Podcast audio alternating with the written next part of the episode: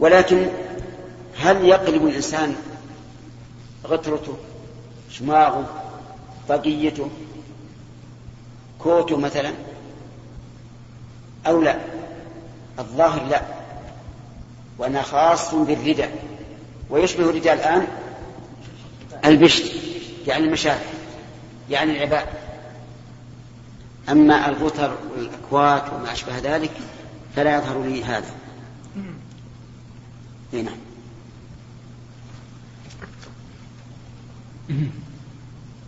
نعم.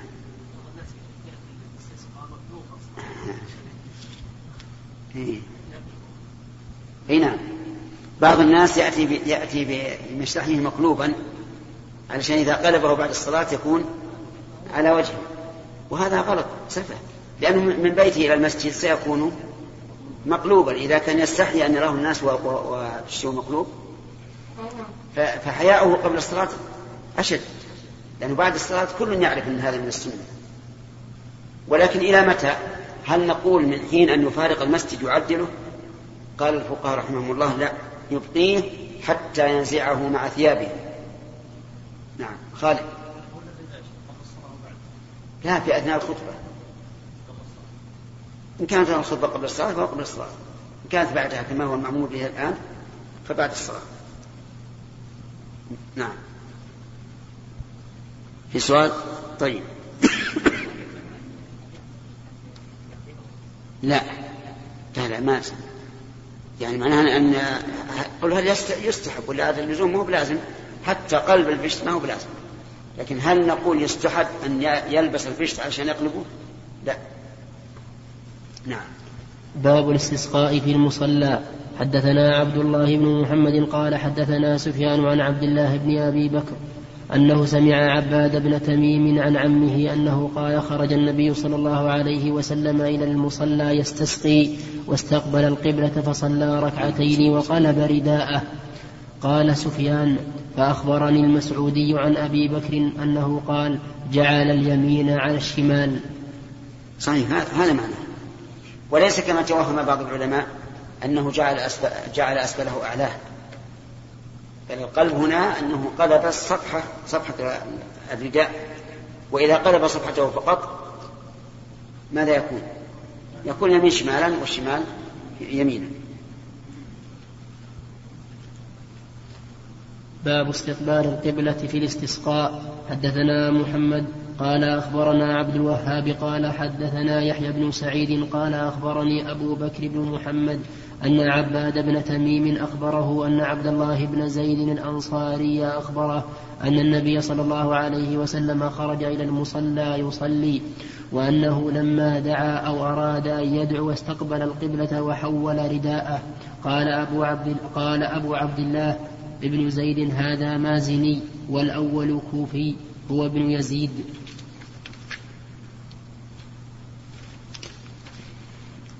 باب رفع الناس باب رفع الناس أيديهم مع الإمام في الاستسقاء. قال أيوب بن سليمان حدثني أبو بكر بن أبي أويس عن سليمان بن بلال قال يحيى بن سعيد سمعت أنس بن مالك قال أتى رجل قال أتى قال أتى رجل أعرابي من أهل البدو إلى رسول الله صلى الله عليه وسلم يوم الجمعة فقال يا رسول الله هلكت الماشية هلكت العيال هلك الناس. فرفع رسول الله صلى الله عليه وسلم يديه يدعو ورفع الناس أيديهم معه يدعون.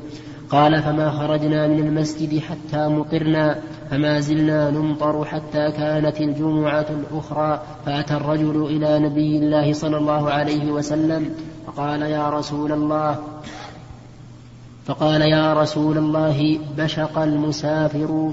بشق. بشق؟ نعم. قال فقال يا رسول الله عندي بالفتح. بك نعم. بشق المسافر وبشق المسافر ومنع الطريق.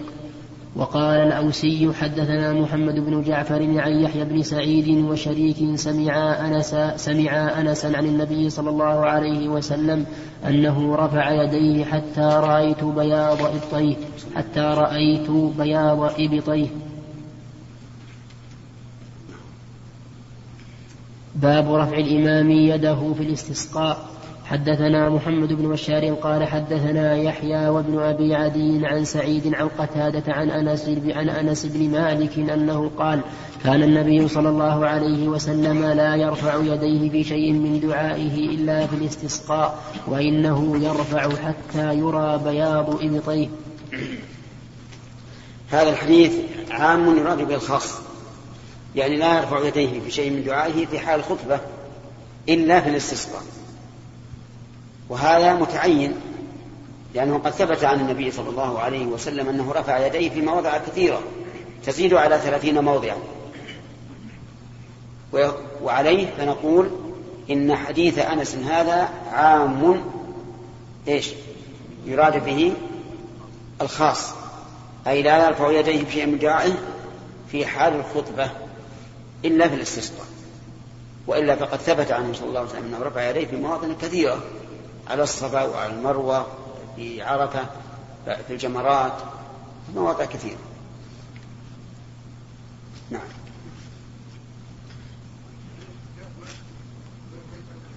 نعم. نعم.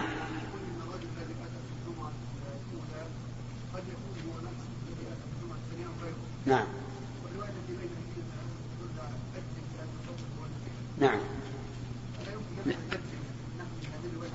يصلح. يصلح. أو يكون أنس رضي الله عنه أحيانا ينسى فيتردد وأحيانا ينسى في بعض العلماء حمل حديث أنس هنا على أن المراد لا يرفعه رفعا مبالغا فيه. آه، بدليل قوله إلا في الاستسقاء فإنه يرفع حتى يرى بياض الطيب. لكن المعنى الأول الذي ذكرناه أولى. نعم.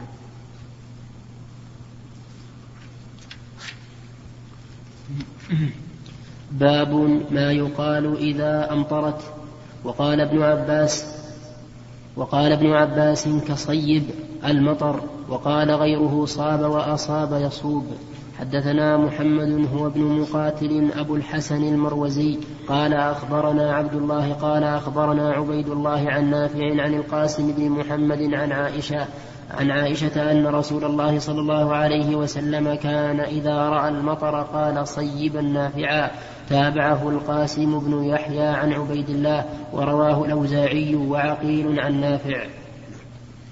قول صيبا أي نازلا لقوله أو كصيب من السماء وهو منصوب على فعل محذوف. التقدير اللهم اجعله صيبا نافعا. وإنما دعا النبي صلى الله عليه وسلم بذلك لأن الصيب قد يكون نافعا وقد يكون غير نافع. دليل ذلك أنه ثبت في صحيح مسلم أن النبي صلى الله عليه وسلم قال ليست السنة ألا تمطروا. إنما السنة أن تمطروا فلا تنبت الأرض شيئا. فإذا كان المطر غير نافع فلا فائدة منه. إذا كان الرسول يقول هذا هل نقول إنه يسن لنا أن نقوله؟ ها؟ لقوله تعالى لقد كان لكم في رسول الله أسوة حسنة. وهل يجب أن نقوله؟ لا لأن الفعل المجرد لا يدل على الوجوب. يعني إذا إذا ورد عن النبي صلى الله عليه وسلم فعل مجرد ليس مصحوبا بأمر ولا بيان لمأمور فإنه يكون مستحبا فقط إذا فعله على سبيل التعبد. نعم. باب من تمطر في المطر حتى يتحادر على لحيته. حدثنا محمد قال أخبرنا عبد الله قال أخبرنا الأوزاعي قال حدثنا إسحاق بن عبد الله بن أبي طلحة الأنصاري قال حدثنا أنس بن مالك قال أصابت الناس سنة على عهد رسول الله صلى الله عليه وسلم فبينا رسول الله صلى الله عليه وسلم يخطب على المنبر يوم الجمعة قام أعرابي فقال يا رسول الله هلك المال وجاع العيال فادعو الله لنا أن يسقينا. قال فرفع رسول الله صلى الله عليه وسلم يديه وما في السماء قزعة قال فثار سحاب أمثال الجبال ثم لم ينزل ثم لم ينزل عن منبره حتى رأيت المطر يتحادر على لحيته. قال فمطرنا يومنا ذلك وفي الغد ومن بعد الغد والذي يليه إلى الجمعة الأخرى. فقام ذلك الأعرابي أو رجل غيره فقال فقال يا رسول الله تهدم البناء وغرق المال فادعوا الله لنا. فرفع رسول الله صلى الله عليه وسلم يديه وقال اللهم حوالينا ولا علينا. قال فما جعل يشير بيده إلى ناحية من السماء إلا تفرجت حتى صارت المدينة في مثل الجوبة حتى سال الوادي وادي قناة شهرا قال فلم يجئ أحد من ناحية إلا حدث بالجود. هذا من أحسن السياقات في حديث أنس رضي الله عنه. لأن فيه أشياء تدل على عظمة الخالق عز وجل. قوله فثار سحاب أمثال الجبال.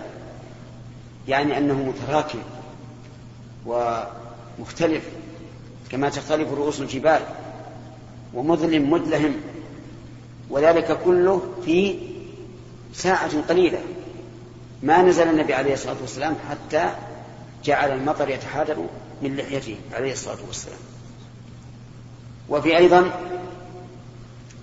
الآية آية من آيات الرسول عليه الصلاة والسلام أنه يشير إلى السحاب حوالينا ولا علينا فما يشير إلى ناحية إلا تفرجت أو انفرجت. ولا يقال إن في هذا دليل إن في هذا دليلا على ما ذهب إليه الذين لا يفقهون حيث قالوا إن الرسول عليه الصلاة والسلام يدبر الكون. والعجب أنهم يقولون ذلك أنه يدبر الكون حتى في مماته.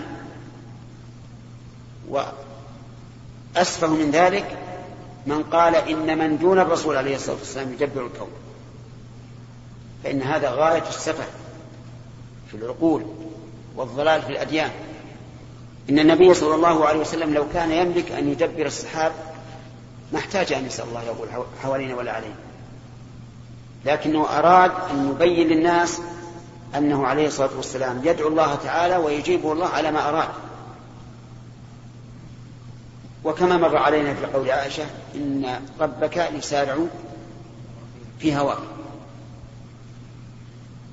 فأراد النبي عليه الصلاة والسلام أن يبين للصحابة ويتبين للأمة من بعده أن الله سبحانه وتعالى يجيب دعاءه على ما أراد. فيقول حوالينا ويشير ولا علينا. و وفيه ما ذكره البخاري رحمه الله في ترجمة من تمطر في المطر حتى يتحادر عن لحيته. فهل استدلال البخاري بهذا الحديث هل هو وجيه؟ يقال فيه تأمل لأن النبي صلى الله عليه وسلم لم يمكث على المنبر حتى يتحادر المطر عن لحيته سنا للأمة وقصدا بل هو بقي في المنبر حتى أكمل إيش؟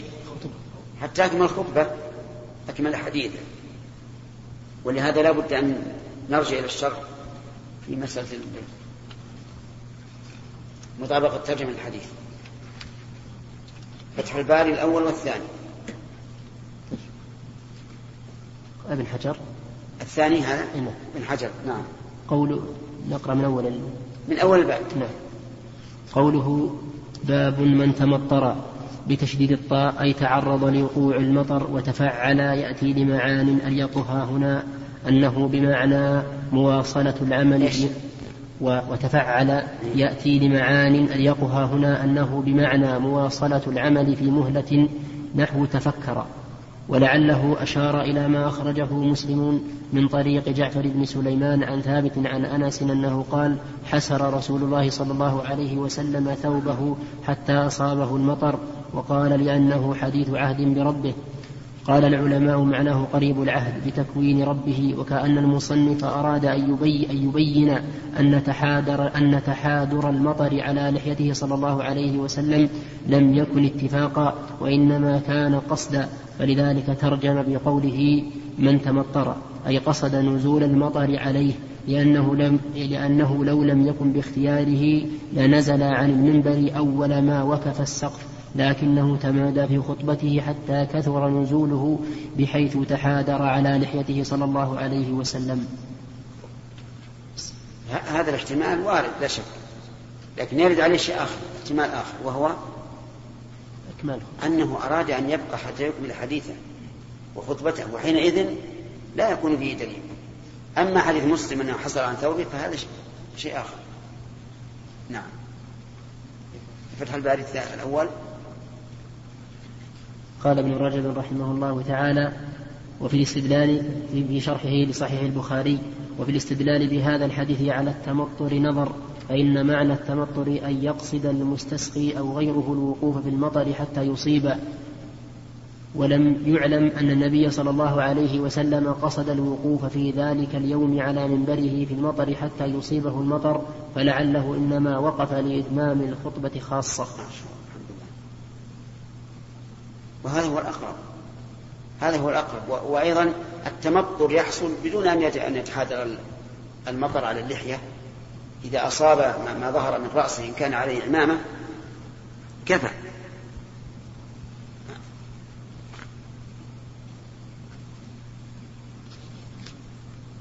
نعم. باب طيب إذا التمطر هو هل هو سنة أو لا؟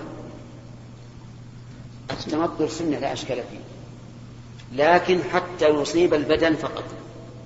إذا أصاب البدن حصلت السنة فإن الرسول صلى الله عليه وسلم كان يحصل عن ثوبه حتى يصيبه المطر ويقول إنه حديث عهد بربه.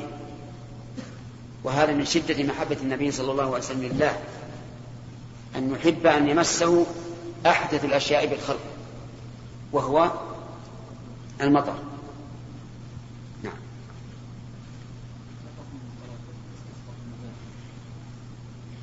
إذا كان لحاجة لا بأس.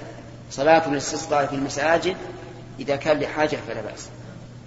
إما شدة برد أو مطر أو ما أشبه ذلك. وأقول أو مطر لأنهم قد قد يستسقون إيش؟ لا لبلاد أخرى.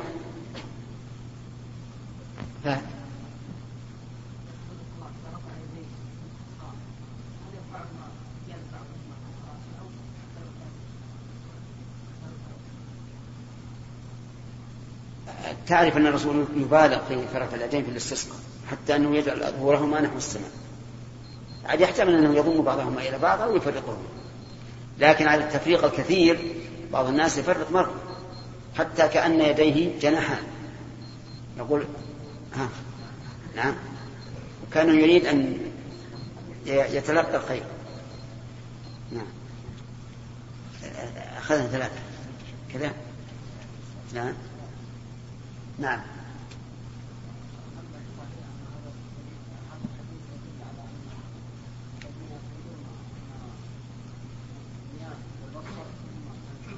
إيش؟ إيش؟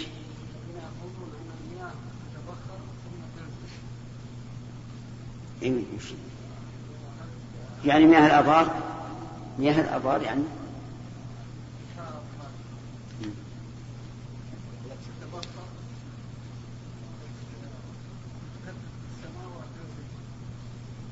ما ندري عنها. هذا ما ندري. وأحيانا أحيانا نرى القطع الصغيرة في في فوق رؤوسنا وإذا بها تكبر وتوسع وتمطر. ما ندري عنها.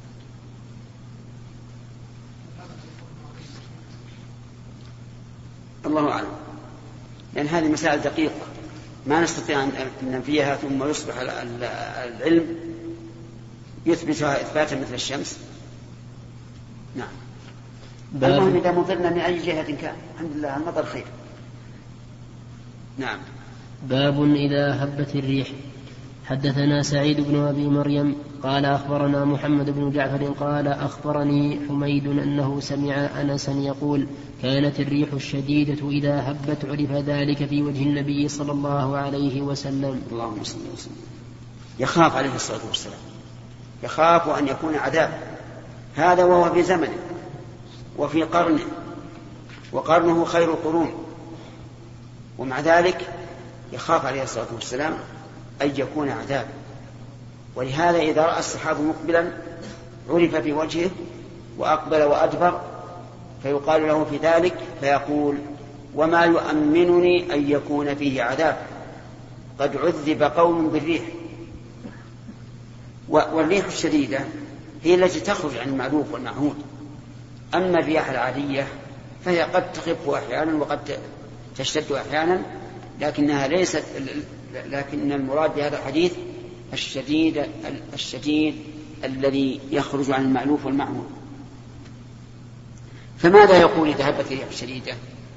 يقول اللهم إني أسألك خيره وخير ما فيها وخير ما أرسلت به وأعوذ بك من شرها وشر ما فيها وشر ما أرسلت به.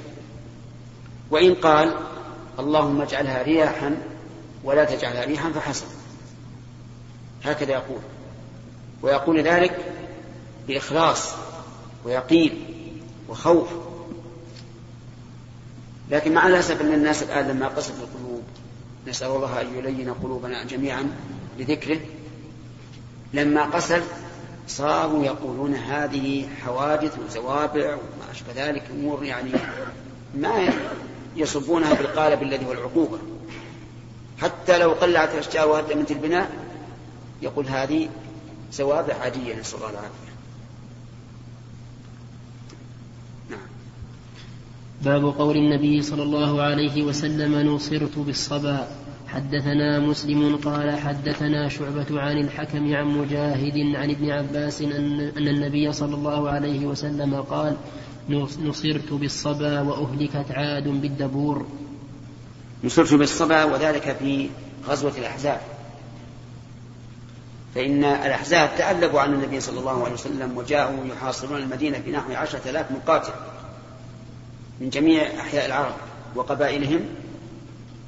وبقوا في محاصرين المدينة فأرسل الله تبارك وتعالى الريح الشرقية والريح الشرقية باردة وهي أقل عصبا من الغربية وأبرد من الغربية لكن الله تعالى شددها على قريش حتى أوقدوا النيران يسطلون وكفأت القدور وأسقطت الخيام ولم يقر لهم قرار حتى نادى فيهم أبو سفيان بالرحيل ما تمكن. وهذا نصر من الله عز وجل. قال الله تعالى يا أيها الذين آمنوا اذكروا نعمة الله عليكم إذ جاءتكم جنود فأرسلنا عليهم ريحا وجنودا لم تروها وكان الله على كل شيء قدير. ها؟ وكان الله بما تعملون بصيرا أما عاد فأهلكوا بالدبور الدبور الريح الغربية وسميت دبورا لأنها تأتي من دبر الكعبة. الكعبة لها قبل وهو الجهة التي فيها الباب ودبر وهي الجهة المقابلة. الريح هذه تأتي من هذه الناحية. ثم هي أيضا أتت عاد وهم في مكانهم في الأحقاف. أتت عاد من من الجهة التي يأتيهم منها السحاب. فلما رأوه قالوا هذا عارض ممطرنا. قال الله تعالى بل هو ما استعجلتم به ريح فيها عذاب أليم تدمر كل شيء بأمر ربها. فأصبحوا لا يرى إلا مساكنهم حتى الذين في البيوت هلكوا بهذه الريح حتى كانت تحمل الرجل إلى مكان عالي ثم ترده على الأرض فأصبحوا كأنهم أعجاز نخل خاوية. نسأل الله العافية. وانظر حكمة الله سبحانه وتعالى حيث أهلك عادا بالريح. والريح خفيفة لطيفة. لأنهم قالوا من أشد منا قوة؟ قال الله تعالى أولم يروا أن الله الذي خلقهم هو أشد منهم قوة وكانوا بآياتنا يجحدون فأرسلنا عليهم ريحا. وانظر إلى فرعون كان يفتخر بالأنهار التي تجري من تحته. يقول لقومه أليس لي ملك مصر وهذه الأنهار تجري من تحتي أفلا تبصرون؟ أم أنا خير من هذا الذي هو مهين ولا يكاد يبين؟ وأهلك بجنس ما كان يفتخر به بالماء. ليتبين للعباد أن الله سبحانه وتعالى قوته فوق كل قوة وأنه لا مضاد له ولا ند له. نعم.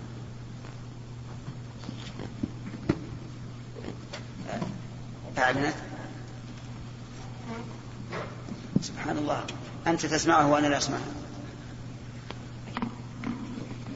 قال الإمام أبو عبد الله البخاري رحمه الله تعالى في كتابه الصحيح باب ما قيل في الزلازل والآيات حدثنا أبو اليمان قال أخبرنا شعيب قال أخبرنا أبو الزناد عن عبد الرحمن عن عبد الرحمن الأعرج عن أبي هريرة أنه قال قال النبي صلى الله عليه وسلم لا تقوم الساعة حتى يقبض العلم وتكثر الزلازل ويتقارب الزمان وتظهر الفتن ويكثر الهرج وهو القتل القتل حتى يكثر فيكم المال فيفيض. قول باب ما قيل في الزلازل والآيات. يعني هل يصلى لها كصلاة الكسوف أو يدعى برفعها أم ماذا؟ والعلماء مختلفون في هذا فمنهم من قال إنه يصلى لها صلاة الكسوف. لأن النبي صلى الله عليه وسلم قال حين علل الصلاة لكسوف الشمس والقمر قال إنهما آيتان من آيات الله لا ينخسفان لموت أحد ولا لحياته فإذا رأيتموه. وفي لفظ إذا رأيتم شيئا من ذلك. مما يدل على أن الآيات التي تخرج عن العادة يصلى لها. ولا يرد علينا الريح الشديدة لأن الريح الشديدة ورد لها شيء خاص وهو الدعاء. والمشهور عند الفقهاء رحمهم الله أنه لا يصلى إلا للزلزلة الدائمة فيصلى لها صلاة الكسوف. ثم لك ثم ساق المؤلف رحمه الله هذا الحديث الذي قال فيه لا تقوم الساعة حتى يقبض العلم. وقبض العلم كما قال النبي صلى الله عليه وسلم إن الله لا ينتزع انتزاعا من صدور الرجال وإنما يقبضه بموت العلماء. فإذا مات العلماء اتخذ الناس رؤساء جهالا يسألونهم فيفتونهم بغير علم فيضلون ويضلون. وتكثر الزلازل. المراد بالزلازل زلازل الأرض. تكثر زلازل الأرض في المكان القريب والبعيد. ويمكن أن يقال إن الزلازل تشمل الزلازل المعنوية التي تكون بالأفكار الرديئة المنحرفة تنشر فيأتي الفكر الخبيث ويأتي ما هو أخبث منه وما هو أشر. ويتقارب الزمان. تقارب الزمان له عدة معاني. منها أن الزمن الكثير أو الطويل يأتي على الإنسان وكأنه قصير فالآن مثلا لا تكاد تذهب الجمعة حتى حتى تأتي الجمعة الأخرى. وكأن الأسبوع يوم واحد. ويحتمل أن يراد أن يراد بتقارب الزمان اختصار الوقت في المسافات البعيدة. كما حصل الآن. فالراكب من القصيم إلى مكة فيما سبق يقطع في عشرين يوما إلى عشرة أيام في السرعة الشديدة. الآن يقطع في ساعة واحدة أو ساعة ونصف. يعني يمكن الإنسان يتوظف في القصيم في بلده ويقضي عمرته بهذا الوضوء.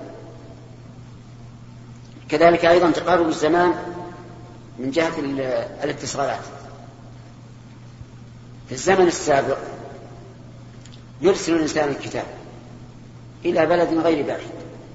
فيبقى أياما قبل أن يصل إلى المكتوب إليه ثم رده يبقى أياما أخرى. وكانوا يستعملون الحمام البريدية يربون الحمام ويعلمونها ولها أمكنة خاصة تطير بالخطوط حتى تصل إلى أبراج معينة فتأوي إليها وتؤخذ من الخطوط إلى إلى حمام أخرى. وهكذا حتى تصل إلى الغاية بسرعة. وكذلك خيول البريد مثل هذا. أما الآن فالأمر الأمر في الحقيقة يظهر. ممكن أن تكلم الإنسان في أقصى. وأنت جالس على مائدته. بل يمكن أن ترسل له الرسالة المكتوبة باليد وتصل إليه بدقائق. هذا من تقارب الزمان. وعلى القول الأول أن المراد تقارب الزمان يعني الوقت قال أهل العلم إن ذلك يدل على الرفاهية وكثرة الرزق وقلة الفتن لأنه مع الراحة تمضي الأيام سريعة ومع التعب والفقر والحروب تطول الأزمنة. قال وتظهر الفتن. الفتن جمع فتنة وهي عامة. فتن في العقيدة فتن في الأخلاق فتن في الأموال. يعني كل ما يصد عن دين الله فإنه فتنة. كما قال الله تعالى إن الذين فتنوا المؤمنين والمؤمنات ثم لم يتوبوا فلهم عذاب جهنم. فتن يا عبد الله؟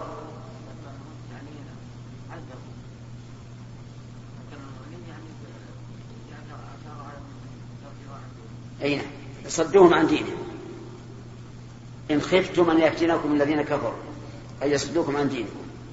وفي قصة الخلود الفتنة هي صد عن الدين والإحراق أيضا. وتظهر الفتن. الفتن الآن موجودة. ظهرت فتن متعددة من أخلاق وأفكار وعقائد وغيرها. يكثر الهرج وهو القتل القتل. الهرج يعني القتل. وهذا أيضا كثير. لا تكاد تفتح الراديو لاستماع الإذاعة إلا وجدت قتل. إما قليلا وإما كثيرا. إلا وجدت قتلا إما قليلا وإما كثيرا. ثم إنه قتل في الحقيقة أعمى. لا يدري القاتل فيما قتل ولا المقتول فيما قتل. نسأل الله العافية. وقوله حتى يكثر فيكم المال الظاهر أن أن الصواب وحتى. لأن هذه غير الأولى ولو رجعت الشرح. سيأتي. نعم. يقول سيأتي. سيأتي الكلام عليه مستوفا في كتاب الفتن. أي هل بعد الأول؟ هذا الأول. آه نعم هذا الأول؟ لا لا, لا, لا الأول. ما قليل الحالة. ها؟ حول القسطلاني أيضا مو معكم القسطلاني. وليته أحد يأتي به كماله موجود في المكتبة؟ والله لو تأتي به. بس حول الواو حول الواو هل فيها؟ اي اي ولو تأتي به لأنه رحمه الله ما هو يحيل. لا الآن ما إن شاء الله غدا أو بعد غدا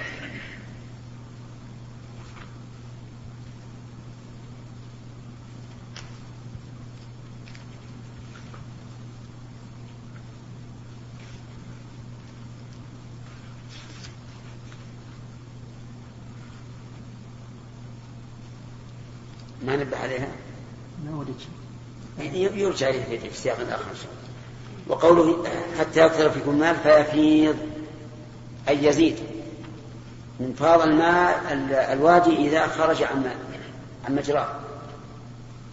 وهذا وقع وربما يقع أيضا أشد مما وقع.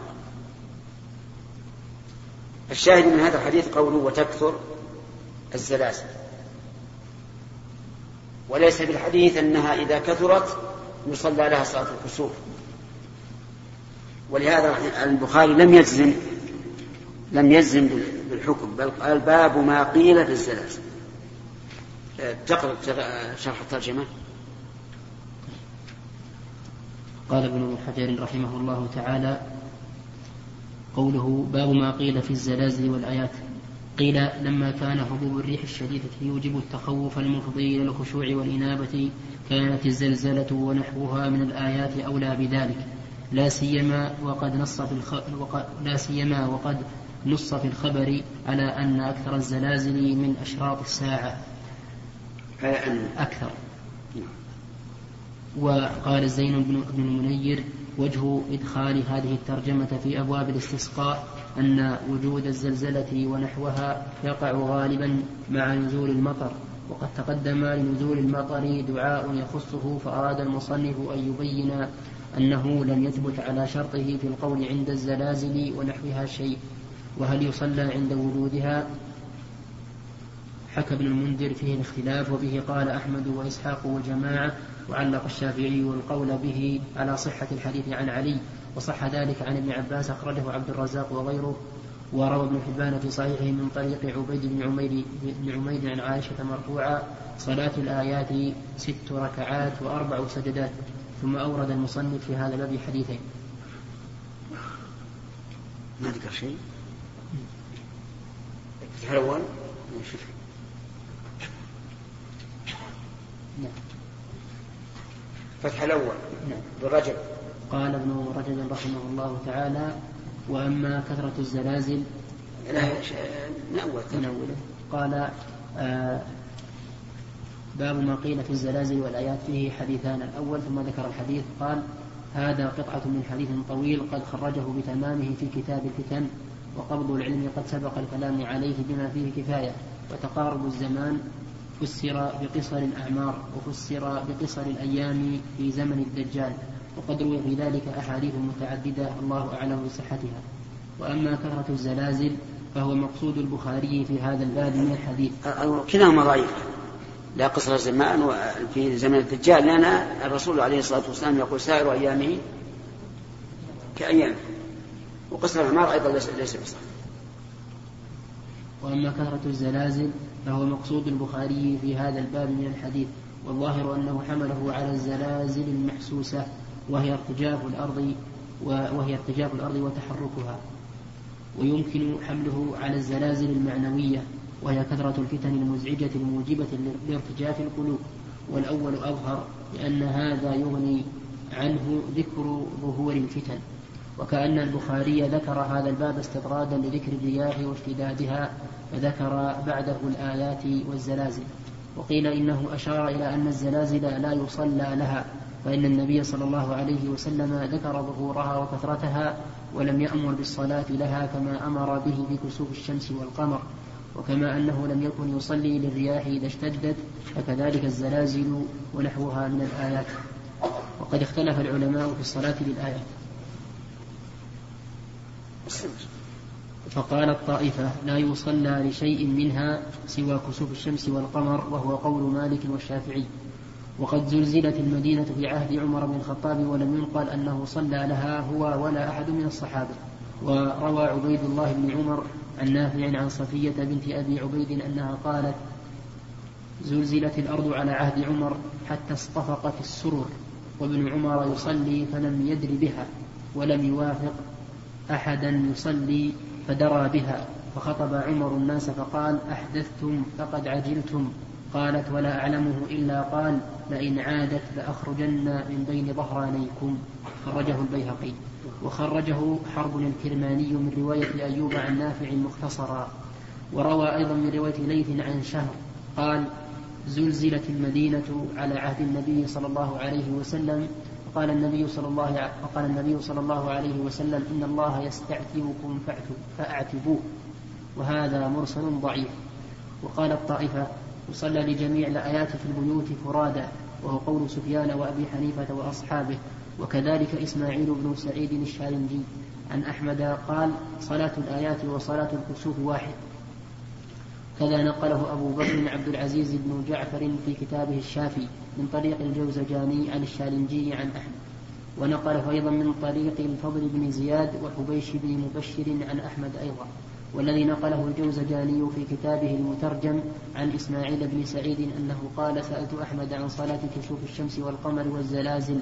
قال تصلى جماعة ثمان ركعات وأربع سجدات وكذلك الزلزلة. قال وبذلك قال أيوب وقال وبذلك قال أبو أيوب يعني سليمان بن داود الهاشمي وأبو خيثمة. وقال ابن أبي شيبة نرى فيها الخطبة وجماعة. وقد نقل وقد نقل أبو بكر في الشافي هذا أيضا من طريق الجوزجاني وخرج الجوزجاني من حديث عبد الله بن حارث بن نوفل بن نوفل أنه قال صلى بنا ابن عباس في زلزلة كانت فصلى بنا ست ركعات في ركعتين فلما انصرف التفت إلينا وقال هذه صلاة الآيات فالمنصوص عن أحمد إنما يدل على الصلاة للزلزلة خاصة وهو الذي عليه عامة أصحابنا وخصوه بالزلزلة الدائمة التي يتمكن من الصلاة لها مع وجودها. وروي عن ابن عباس أنه صلى للزلزلة بعد سكوتها وانقضائها. وحكى بعض أصحاب الشافعي قولا له أنه يصلي أنه يصلي للزلزلة ومنهم من حكاه بجميع الآيات. وحكى ابن عبد البر عن أحمد وإسحاق وأبي ثور الزلزلة الصلاة للزلزلة والطامة والريح للزلزلة والطامة والريح الشديدة. وهذا يدل على استحبابها لكل آية كالظلمة في النهار والضياء المشبه للنهار بالليل سواء كان في السماء أو انتثار الكواكب وغير ذلك. وهو اختيار ابن أبي موسى من أصحابنا وظاهر كلام أبي بكر, أبي بكر عبد العزيز في الشافعي أيضا. ومن, ومن, ومن روي عنه أنه يصلي في الآيات ابن عباس. ومن؟ ومن؟ يعني هو ممن وفي المسند وسنن أبي داود عنه أنه سجد لموت بعض أزواج النبي صلى الله عليه وسلم وقال سمعت النبي صلى الله عليه وسلم يقول إذا رأيتم آية فاسجدوا. وروي عن عائشة أنها قالت صلاة الآيات ست ركعات وأربع سجدات. وروي عنها مرفوعا خرجه الجوزجاني من طريق حماد بن سلمة عن قتادة عن عطاء عن عبيد عن عبيد بن عمير عن عائشة أنها قالت كان رسول الله صلى الله عليه وسلم يقوم في صلاة الآيات فيركع ثلاث ركعات ويسجد سجدتين ثم يقوم فيركع ثلاث ركعات ثم يسجد سجدتين. واستدل واستدل به على الصلاة للزلزلة ولكن رواه وكيع عن هشام الدستوائي عن قتادة فوقفه على عائشة وهو الصواب. وخرج ابن أبي الدنيا في كتاب المطر من رواية مكحول عن أبي صخر زياد بن صخر عن أبي الدرداء أنه قال كان النبي صلى الله عليه وسلم إذا كانت ليلة ليلة ريح كان مفزعه إلى المسجد حتى تسكن الريح. وإذا حدث في السماء حدث من كسوف شمس أو قمر كان مفزعه إلى الصلاة حتى ينجلي. وهو منقطع وفي إسناده نعيم بن حماد وله مناكير. وخرج أبو داود من رواية عبيد الله بن النضر قال أخبرني أبي قال كانت ظلمة على عهد أنس بن مالك قال أتيت أنس بن مالك فقلت يا أبا حمزة هل كان يصيبكم هذا على عهد النبي صلى الله عليه وسلم؟ فقال معاذ الله إن كانت الريح تشتد فيبادر المسجد مخافة القيامة. وبوب عليه باب الصلاة عند الظلمة. وهو دليل على الصلاة عند اشتداد الريح أيضا وأبو داود من أجل أصحاب الإمام أحمد ثم بوب على السجود عند الآيات وذكر فيه حديث ابن عباس المتقدم. وظاهره يدل على أن الآيات يسجد عندها سجودا مفردا كسجود الشكر من غير صلاة. وذكر الشافعي أنه بلغه عن عباد عن عاصم الأحول عن قزعة عن علي أنه صلى في زلزلة ست ركعات في أربع سجدات خمس ركعات وسجدتين في ركعة وسجدتين في ركعة. قال الشافعي ولو ثبت هذا الحديث عندنا لقلنا به. قال البيهقي هو ثابت عن ابن عباس ثم ذكر بنحو ما تقدم وله طرق صحيحة عن عبد الله بن الحارث عن ابن عباس. وروى حرب قال حدثنا إسحاق قال حدثنا إسحاق قال حدثنا جرير عن الأعمش عن إبراهيم عن علقامة أنه قال إذا فز إذا إذا إذا فزعتم من أفق من آفاق السماء فافزعوا إلى الصلاة. خلاص باقي كثير باقي واجب. يعني والخلاصة ما ما ذكر خلاصة ما ما ذكر على كل حال المسألة فيها خلاف. والراجح الراجح أنه يصلى لكن القول بأنه يصلي, يصلي, يصلي الناس فرادى في البيوت قول حسن. لأن إثبات أن يصلوا جماعة وهو لن يثبت في السنة ثبوتا بينا يحكم المرء عنه. لكن كون هذه الآيات العظيمة التي تفزع الناس أكثر من الكسوف تمر بدون أن يأبه الناس لها في النفس شيء. فيكون هذا وسطا بين القول بأنه يصلى في صلاة الكسوف أو أن لا أو يسجد سجودا مجردا أو لا يسجد ولا يصلى نعم. كل الآيات المخيفة كل الآيات المخيفة حتى ابن عباس لما ماتت إحدى أمهات المؤمنين سجد وقال هكذا سجود هكذا صلاة الآيات أو كلمة النحو في شيء شيخ. في قال في آخر قال ابن رجب فاعلم أن الشغل بالصلاة في البيوت في البيوت مرادا عند الآيات أكثر الناس على استحبابه وقد نص عليه الشافعي وأصحابه كما ينفع الدعاء والتضرع عند ذلك لئلا يكون عند ذلك غافلا وإنما محل الاختلاف هل تصلى جماعة أم لا وهل تصلى ركعة بركوعين كصلاة الكسوف أم لا وظاهر كلام مالك وأصحاب وأكثر أصحابنا أنه لا تسن الصلاة الآيات جماعة ولا فراد أحسنت. هذا يعني يؤيد ما ذكرناه نعم. كيف؟ الاستسقاء الاستسقاء